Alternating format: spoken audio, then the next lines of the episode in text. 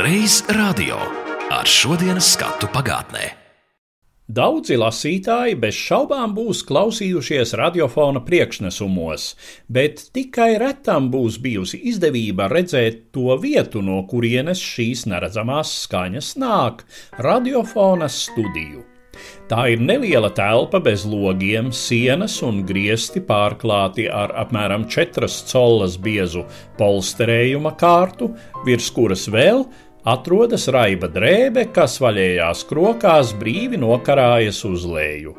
Arī grīda izklāta ar mīkstu biezu tepiķi, kurš apslāpē katru soļu troksni.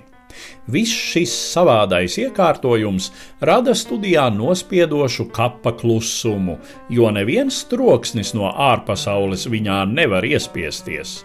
Cilvēka balss izskan pilnīgi bez atbalsts, tāpat kā mēs to dzirdam ik vakarus, klausīdamies radiofona priekšnesumos.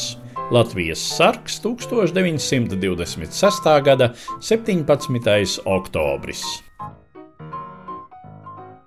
Raidījumā lūkosim, kur bija šāda studija, kā Latvijas pirmajā brīvvalsts laikā tika pārbūvēts un iekārtots radiofons toreizējā pastu un telegrāfa ēkā, un kā noritēja radiodarbība tūlīt pēc otrā pasaules kara, kad tam mājvieta bija skolas ielā 6 bijušā ebreju teātra telpās.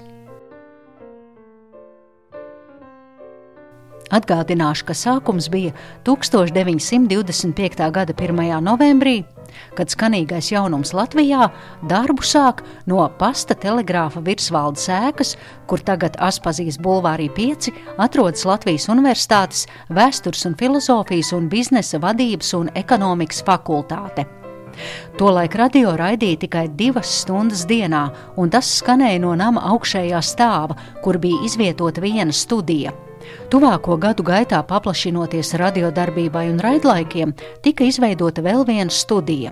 Tad radio pārcēlās uz papildus telpām Krišāņa Barona un Matīs ielas stūrī, un 30. gadu sākumā pasta telegrāfa virsvaldes namā radio vajadzībām piebūvē vēl divus stāvus. Pirms pāris gadiem uz mūsu pirmo radio māju devos kopā ar Latvijas radio vēstures pārzinātāju, ilgadīgo mūzikas redakcijas darbinieku Oļģertu Šustu. Radio vispirms šajā ēkā izvietojās augšējos stāvos, kas bija speciāli priekšradio izbūvēti. Un galvenais, kas priekšradio šeit noderēja, tā bija tā lielā stūdija pārbūvēta, kur bija lielam orķestrim, lieliem kolektīviem vieta. Un interesantākais tas, ka tur bija arī balkons klausītājiem. Bet eh, man gribētos iesākt ar to, ka šī bija tikai galvenā vieta priekšradio, jo paši pirmsākumi bija pārdaugā kuģu ielā. Tā bija radiotelegrāfa iestāde, kuru aizsardzības ministrija nodeva departamentam, tur sākās visas tās gaitas savācoties interesantiem entuziastiem radioamatieriem kopā. Kāpēc nolēma pasta ēkā radio? Meklēja, meklēja vietu, kur izvietot jaunu radio, atrada istabiņu šajā pastata ēkā. Šeit pārgāja 25. gadā, kā rakstīts ar radio atklāšanu. 25. gada 1. novembrī pirmais radio pārraidījums. Precīzi sāk sakot pārraidi no Latvijas operas ar Madame Butterfly ar um, satiksmes ministra uzrunu, ar himnu un citām tādām spožām lietiņām.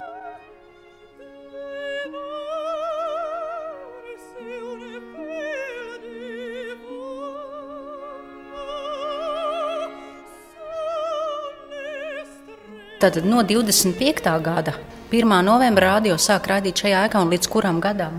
Tā no 25. gada pasta mājā līdz 28. Tā tad iznāk trīs gadi. Tikai trīs gadi. Jā. Kas notika 28. gadā? Te bija ierādīta niecīga istabiņa tikai. Tur varēja nu, parunāt kaut ko, varbūt uzdzied, uzspēlēt ļaunākā gadījumā kādu stundiņu vakarā un viss. Un tad atrada vietu tur. Krišņiem barona un Matīs ielas stūrī. Tur bija divas istabas un viena liela istaba. Un pa to laiku, tajos divos gados, šeit piebūvēja vēl divus stāvus klāt speciāli priekšrādio. Un tā tā kļuva galvenā radio mītne. Jāteic, ka radiofona ēkas paplašināšanas darbi vienmēr netika uztvērti ar sajūsmu. Tā kā radio tolaik bija jaunākais bērns elektronisko sakaru saimē, tad presē varēja lasīt neizpratni par piešķirtajiem labumiem šim pastarītim salīdzinājumā, piemēram, ar telefonu. Laikraksts Vēstnesis 1930. gada 1. jūlijā raksta. Jaunbūvējamās telpās radiofonam izcilus vieta uz telefona centrāles rēķina. Saima, pieņemot šī gada budžetu, atļāva līdzekļus divu jaunu stāvu uzbūvēi virs departamenta ēkas Rīgas tālsatiksmes un radiofona vajadzībām. Paskatīsimies tagad, kādas telpas paredzētas radiofonam. Divas lielas studijas, katra 7,6 metrus augstas, vairāk kā divreiz augstākas par tālsatiksmes telpām. Radiofonam bez tam ir vēl divas mazākas studiju telpas. Radiofona studiju telpas būs aizņemtas diennaktī augstākais astoņas stundas, turpretim telefonam jādarbojas nepārtraukti. Salīdzinot radiofona telpas ar tālsatiksmes telpām, jāsaka, ka telefonam nodarīta nepelnīta pārestība, turpretim radiofons apbalvots bagātīgi. Radiofonam paredzētas kādas 48 telpas, turpretim telefonam tikai 15. Lai varētu spriest par radiofona ērtībām, tad te uzskaitīšu tikai dažas no viņām. Foje smēķētāju uzgaidāmās telpas, bufete, artistu uzgaidāmās telpas, dāmu istaba, divas garderobes, četras studiju telpas, divas spīkeru telpas, radiofona pārziņa telpas, kanceleja, darbvedības, literātnodaļas vadītāja telpa, diriģenta, režisora un tā tālāk mums jau nebūtu nekādu iebildumu pret ērtībām radiofonam, bet šīs ērtības nav iegūstamas uz citu ciešanu un nospiešanas rēķina. Vai tāds ir demokrātu princips?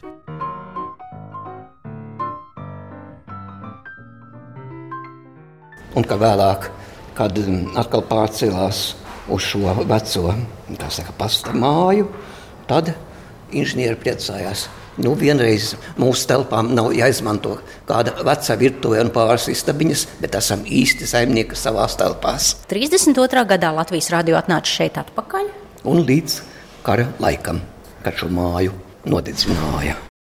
Jānis Linters, radioelektronikas speciālists, Latvijas radiofona dibinātājs.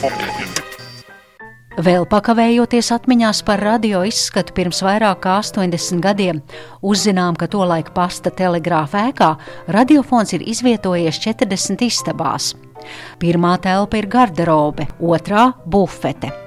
Šādas labierīcības var dabūt arī citās vietās, kur nekad nav bijis un nebūs radiofona.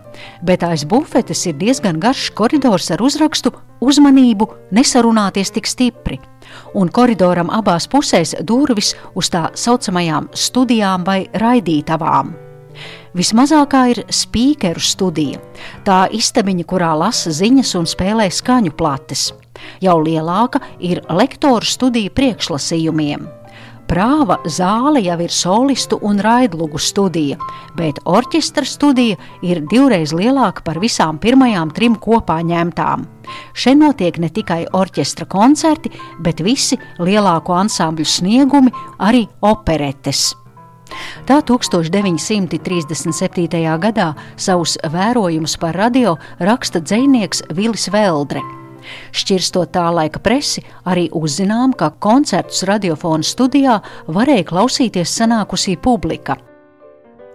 Kad vakar radiofona klausītāji mājās pie aparātiem sēdēdami sāka klausīties opereti Smaidu zeme apmēram simts skatītāju, censdamies pavisam klusi izturēties, skatījās, kā mākslinieki kreklos izmetušies dzied savas dziesmas orķestra un radiofona trokšņu meistara pavadībā. Šis pirmais mēģinājums Ļaut lielākam skatītāju pulkam noraudzīties raidspēlē izdevās labi. Nevienam pārlieku neuzmācās ne šķāvas, ne klepus. Avīze Rīts 1938. gada 14. janvāris.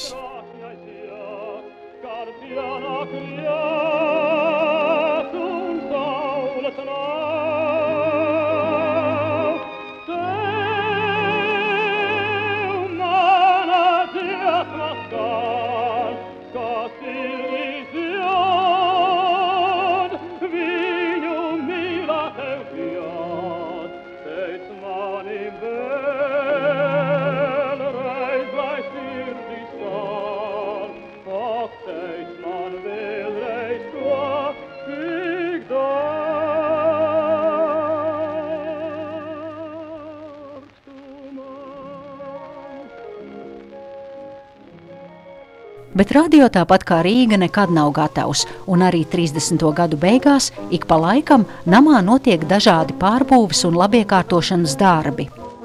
Laikraksts Rīts 1939. gada jūlijas. Radiofona Rīgas studijās pat labāk notiek plašāki remonta darbi.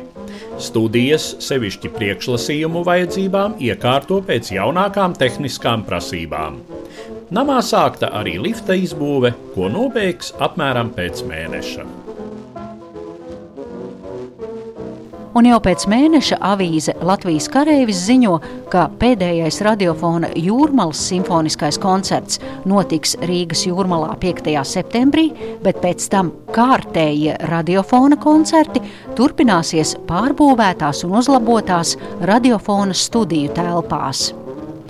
Pasta un telegrāfa ēkā 30. gadu sākumā, kā radiodarbinieki ir pēdiņās strādājuši arī pāris balti gaļi.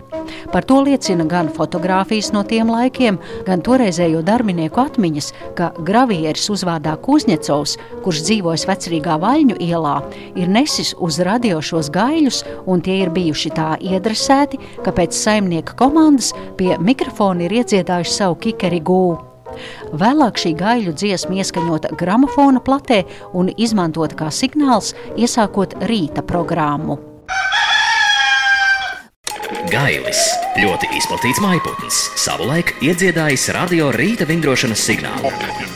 Sākoties Otrajam pasaules karam, radionāms pāriet vācu iebrucēju rokās, un visu kara laiku te skan nacistiskās Vācijas propaganda. Savukārt no Krievijas skan regulārs pārraids latviešu valodā, ko nodrošina tur evakuētie, kreisi noskaņotie Latvijas radiofona darbinieki, literāti un mākslinieki. 1944. gada oktobrī vācieši atkāpjoties uzspridzina radiotorņus un no pasta un telegrāfa ēkas pāri paliek tikai mūri. Kādu laiku radio raida no Daugaupils, kur pilsētas nomalē nelielā vienstāva ēkā bija iekārtota provizoriska radiostudija. Pēc tam, kad 1944. gada 13. oktobrī Rīgu ieņem sarkanā armija, radiodarbinieki atgriežas galvaspilsētā un steigā tiek meklēta jauna māja vieta. Bet vispār tā es varu saprast, ka gan simfoniskais orķestris, gan, gan radiodiktori, gan uh, tie, kas uzstājas un tā tālāk, viss tas notika šajā lielajā zālē. Ne mūsu dokumentos, nekādas būvniecības atskaitēs vai pārskatos, mēs nekur neatradām ziņas, ka radiofons atradas vēl kaut kādas telpas, izņemot, izņemot šo lielo zāli. Atslēdzat durvis. Jā.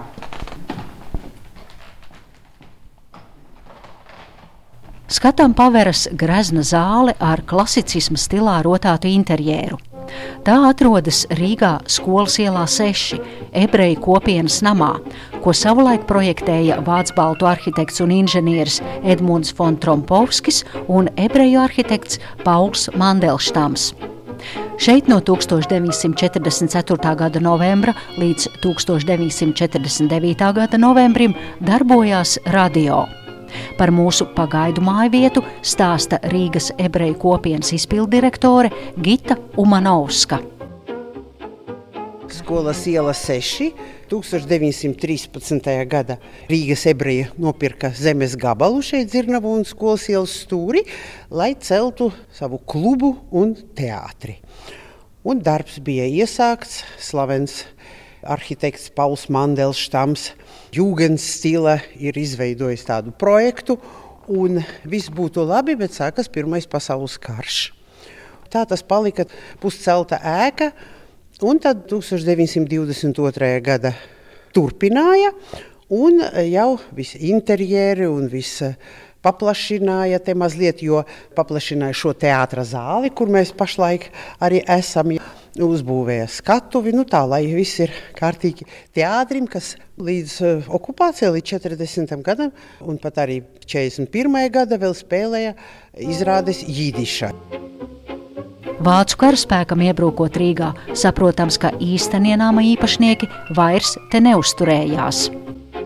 Šeit visu laiku strādāja tā saucamais Zoldātņu teātris, nu, tātad vācu teātris, ja, uz tieši uz šīs skatuves. Mēs zinām, ka kara sākumā, respektīvi tad, kad šeit iekārtojas šo, šo namu ebreju jau nav, protams, ja, šeit atradas tā saucamais Einsatzstab Rozenberg. Rozenbergs, kas bija okupēta teritorija, austrumu teritoriju pārvaldnieks, viņš lielās pilsētas visur bija izveidoti tādi centri, kur saveda nolaupītas un, un atņemtas lietas. Ja? Tas ir nu, gleznas no muzejiem, no privātu kolekcijiem, no cilvēkiem, no ebrejiem vai neebrejiem. Tas ir vienalga. Respektīvi, to, ko varēja visu grāmatas un, un visādas vērtslietas. Viņus saveda tādos centros, aprakstīja visu un tad iepakoja un veda uz Vāciju.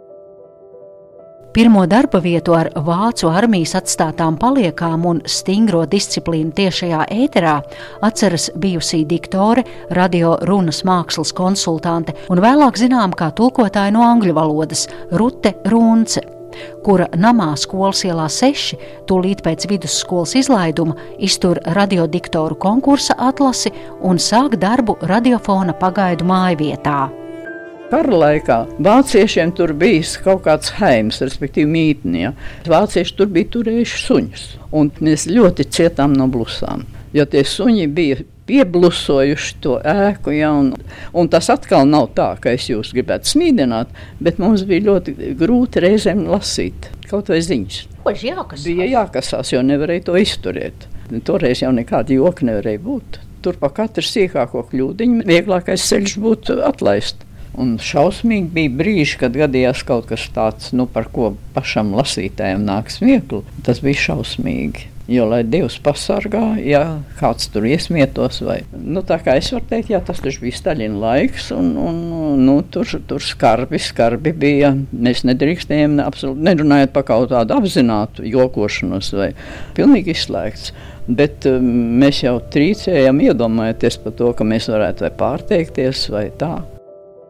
Dažas redakcijas bija izvietotas bijušā ebreju teātra augšējos stāvos, bet visi lasījumi, koncerta, kora un dramatiskā ansambļa priekšnesumi gāja tiešajā ēterā no pieminētās lielās zāles.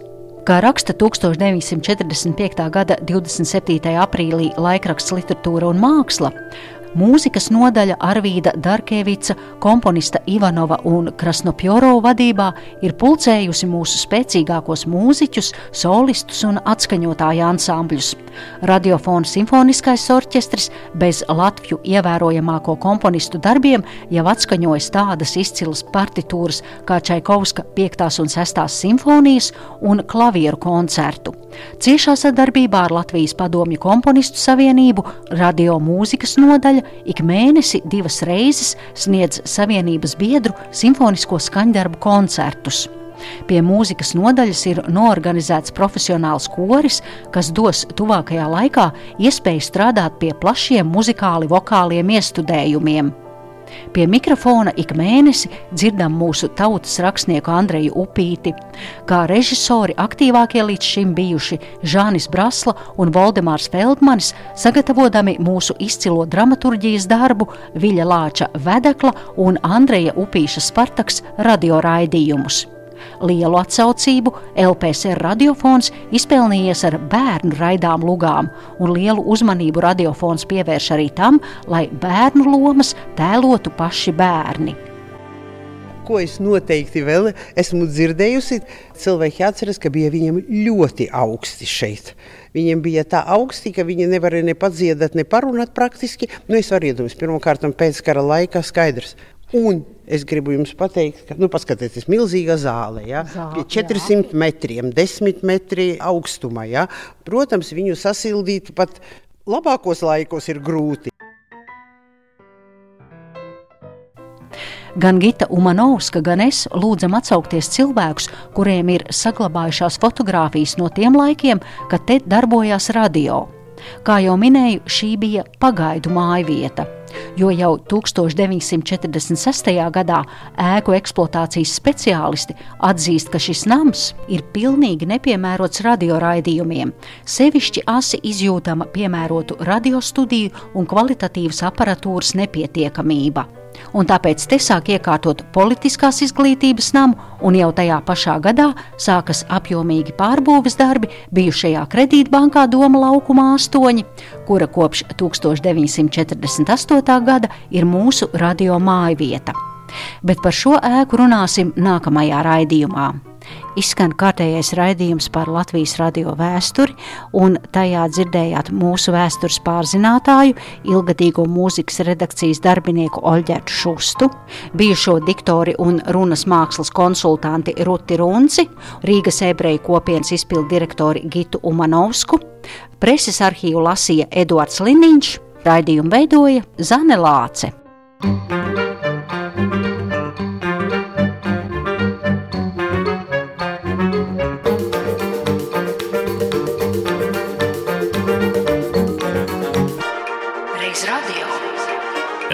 Reiz radio ar šodienas skatu pagātnē.